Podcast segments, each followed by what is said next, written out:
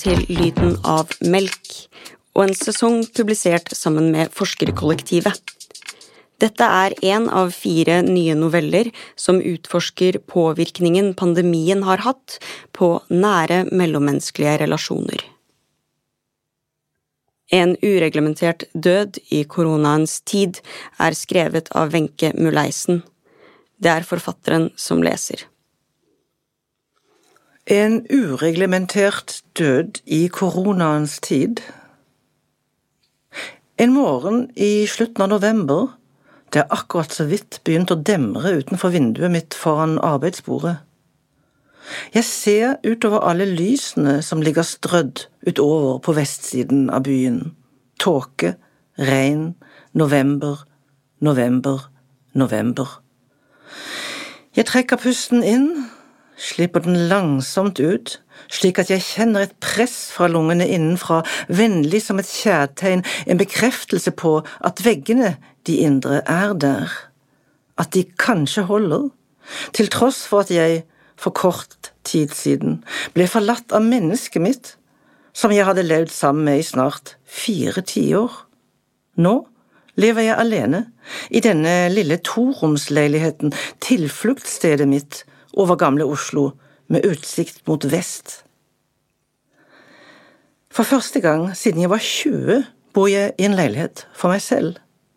I alle årene av voksenlivet mitt har jeg levd sammen med mennesker, kvinner, menn og barn, i parforhold, storkollektiv, bofellesskap og i familie. Hva det betyr å leve alene, som jeg vet mange mennesker gjør, kan jeg ikke enda vite hva innebærer, jeg er fremdeles i savnets, i sorgens, i selvbebreidelsens og raseriets tid. Jeg tror meg ubeskyttet og frykter fremtiden som eldre, enslig kvinne, ravende av utilfredsstilte lengsler, begjær og manglende fellesskap.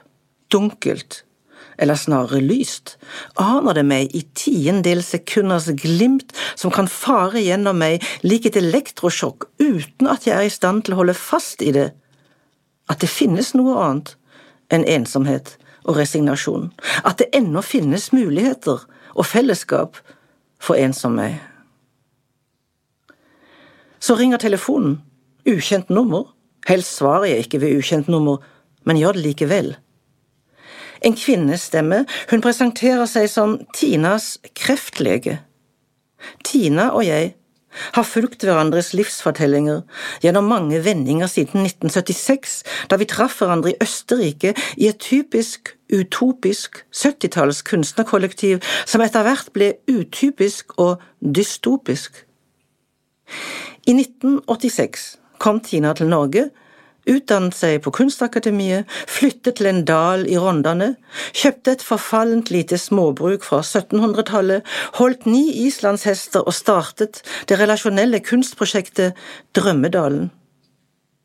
Her møttes kunstnere, miljøaktivister, hesteinteresserte og andre slags entusiaster for å utforske sammenhenger mellom menneske, dyr, natur og kunstneriske prosesser, eller bare for å trekke seg tilbake, få ro i sjelen, eventuelt slikke sine sår, kjenne på hva hardt kroppsarbeid og håndverk kan gjøre for å helbrede et eksistensielt marettsinn, gå lange turer i fjellet og begi seg inn i meditative tilstander, eller mindfulness, som det gjerne heter for tiden.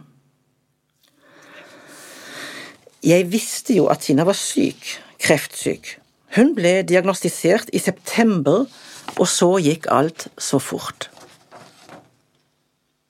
Du bør komme så fort du kan, sier kreftlegen. Jeg kjenner et hardt slag dulte til i brystet mitt. Betyr det at Tina dør, spør jeg. Ja, hun er bevisstløs, terminal, bekrefter legen. Grunnen til at jeg nå fikk denne telefonen fra legen, var at noen dager tidligere hadde Tina ringt meg fra sykehuset, som ligger tre timer utenfor Oslo, og spurt meg om jeg vil være hennes nærmeste pårørende. Ettersom hun verken har livsledsager eller barn, og hennes gamle mor holder til i Tyskland. Tina var velsignet med mange venner, men vårt vennskap hadde vart siden Tina var 18 år nå var hun 62. Vi har levd i kunstnerkollektiv sammen, og vi har fulgt hverandre siden. Du kjenner meg best, sa hun. Jeg ble stille. Nærmeste pårørende, det hadde jeg vært tidligere. Siste gang for søsteren min, den elskede. Kreft. Bare to år siden. Og så for moren min for 15 år siden. Kreft. Noen år siden nå, selv om hennes død har blitt en alltid pågående visshet i mitt indre. Jeg vet hva det innebærer, mens døden skal gjøres, og etterpå, når døden skal administreres. Jeg orker ikke dette nå. Hvem skal passe på meg? Hva om jeg dør? Hvem vil da være min nærmeste pårørende? Ikke en av barna. Jeg vil ikke at de skal måtte gjøre dette dødsens arbeidet. Jeg ville måtte ringe en venn. Hvem? Det er klart jeg kan, Tina, sa jeg. Etter telefonsamtalen med kreftlegen ser jeg over kalenderen, sier fra meg en avtale den dagen, uansett bare et av de evinnelige Zoom-møtene der jeg stirrer på mennesker i små ruter på en skjerm uten at øynene våre noensinne vil kunne møtes, som vi er dømt til et konstant fravær under påskudd av nærvær. Pakka sekken? For hvor lenge? Tannbørste? Et skift? En bok? Kommer jeg til å sitte ved Tinas dødsseng og lese? Uansett er det lesestoff til togturen, en mulighet til å hekte tankene fast i setninger skapt utenfor mitt eget hjernespinn. Og så hender det. Jeg står ved Tinas seng, var inne hos kreftlegen rett før de hadde sluttet å gi væske, ga kun smertelindrende behandling. Hvor lenge? spurte jeg kreftlegen. Det kan vi aldri vite, svarte hun. Noen timer, noen døgn.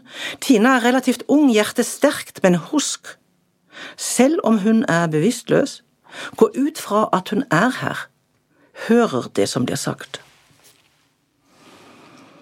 Tina, sier jeg.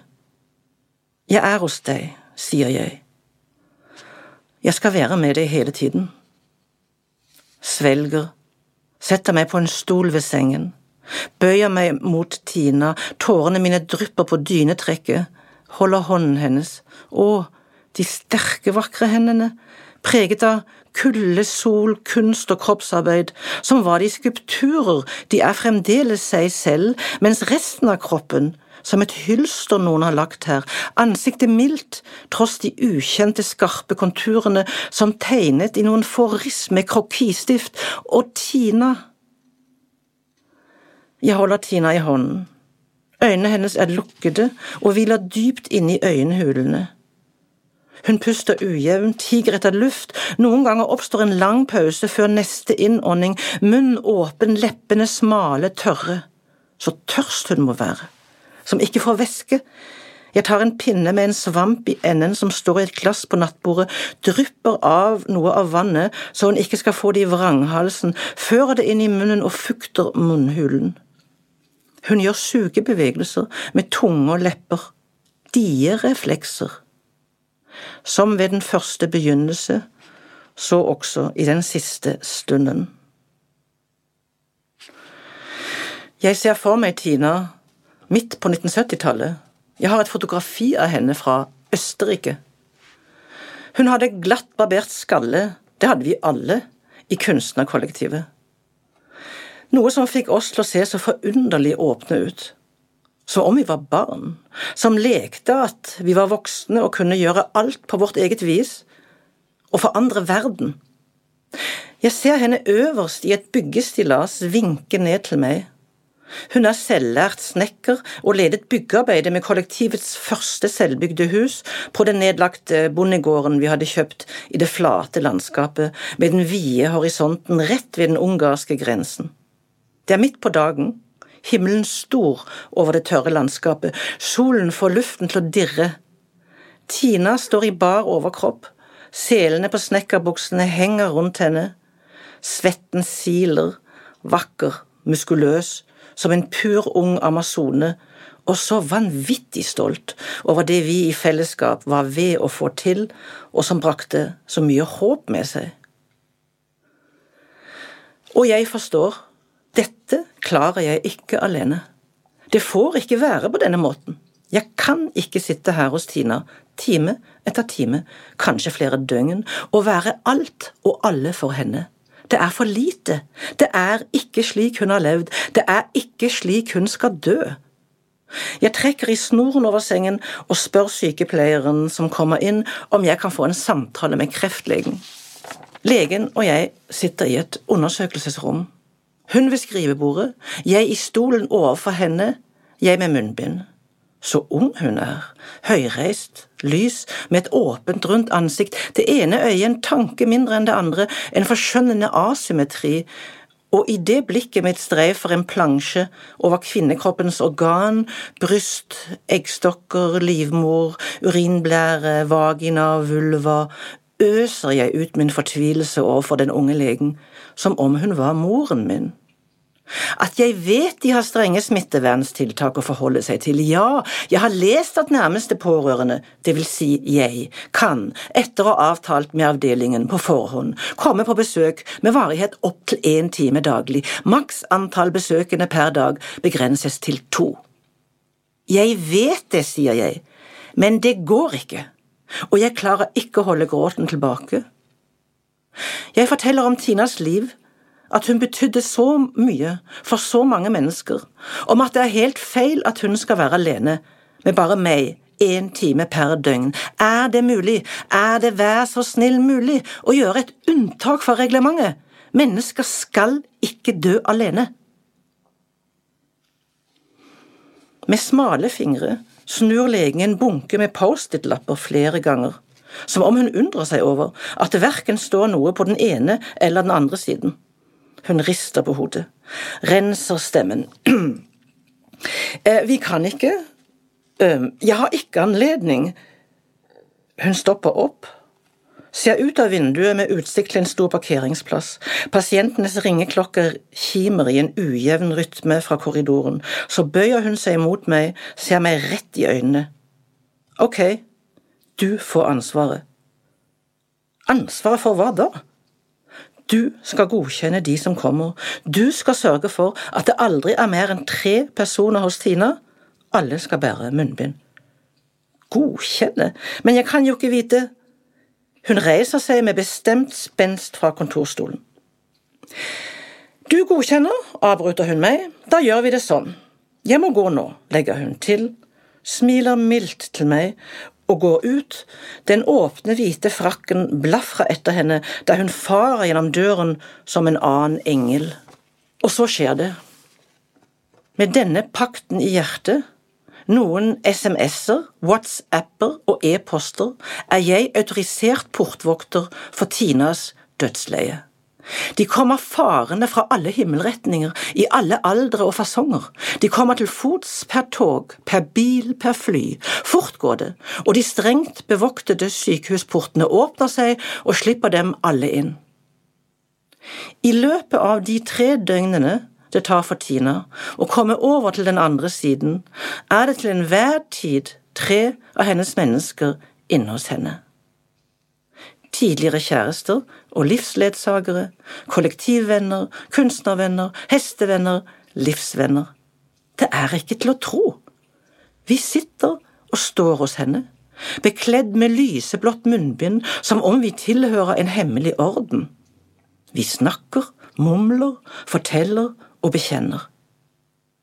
Vi berører Tinas ansikt, fukter leppene og munnhulen, holder hendene hennes, stryker langs kroppen hennes, hode, overkropp, lender og føttene.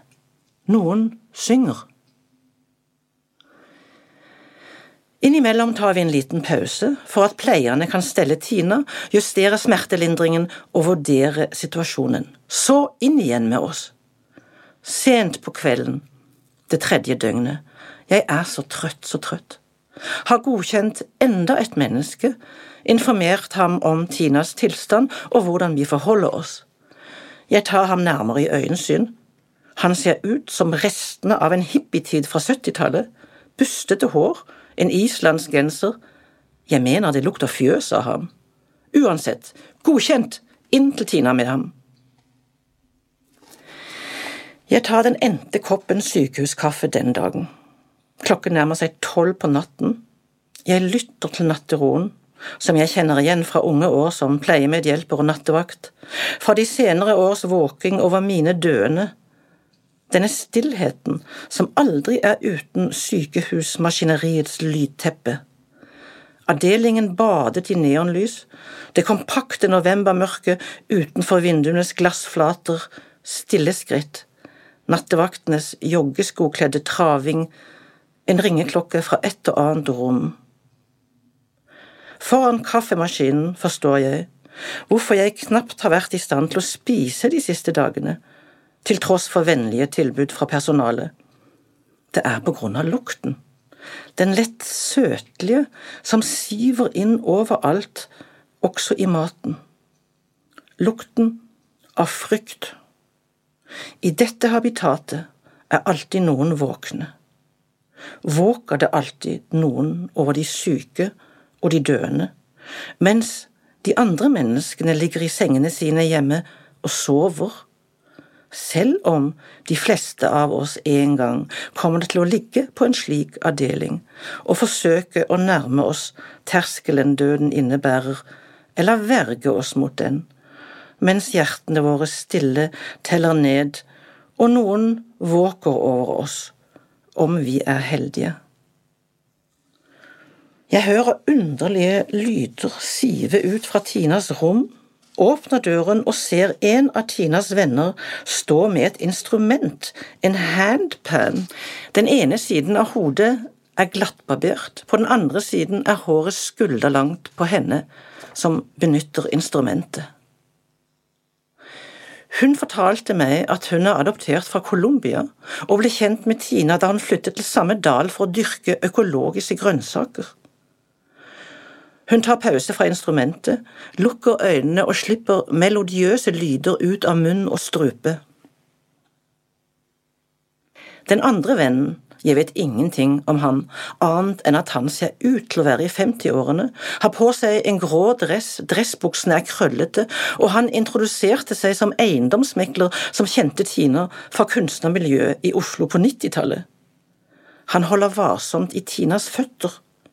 Tina slipper fra seg små sukk. Jeg lar meg gli ned langs veggen, sitter på gulvet, lukker øynene. Under normale omstendigheter ville jeg antagelig ha forholdt meg noe skeptisk til såkalt spirituelle ritualer, men nå glir trøttheten av meg, og jeg ble fylt av det som synes meg en overjordisk vakker klang. Egoet mitt, hva nå enn det er, ser ut til å forlate meg, det er en ubeskrivelig lettelse. Og der og da forstår jeg at hva vi enn gjør, så gjør vi det sammen. At vi tre med munnbind, som ikke kjenner hverandre, men alle kjenner Tina, at vi, sammen med Tina, flyter over i hverandre og er med Tina i livets siste overgang.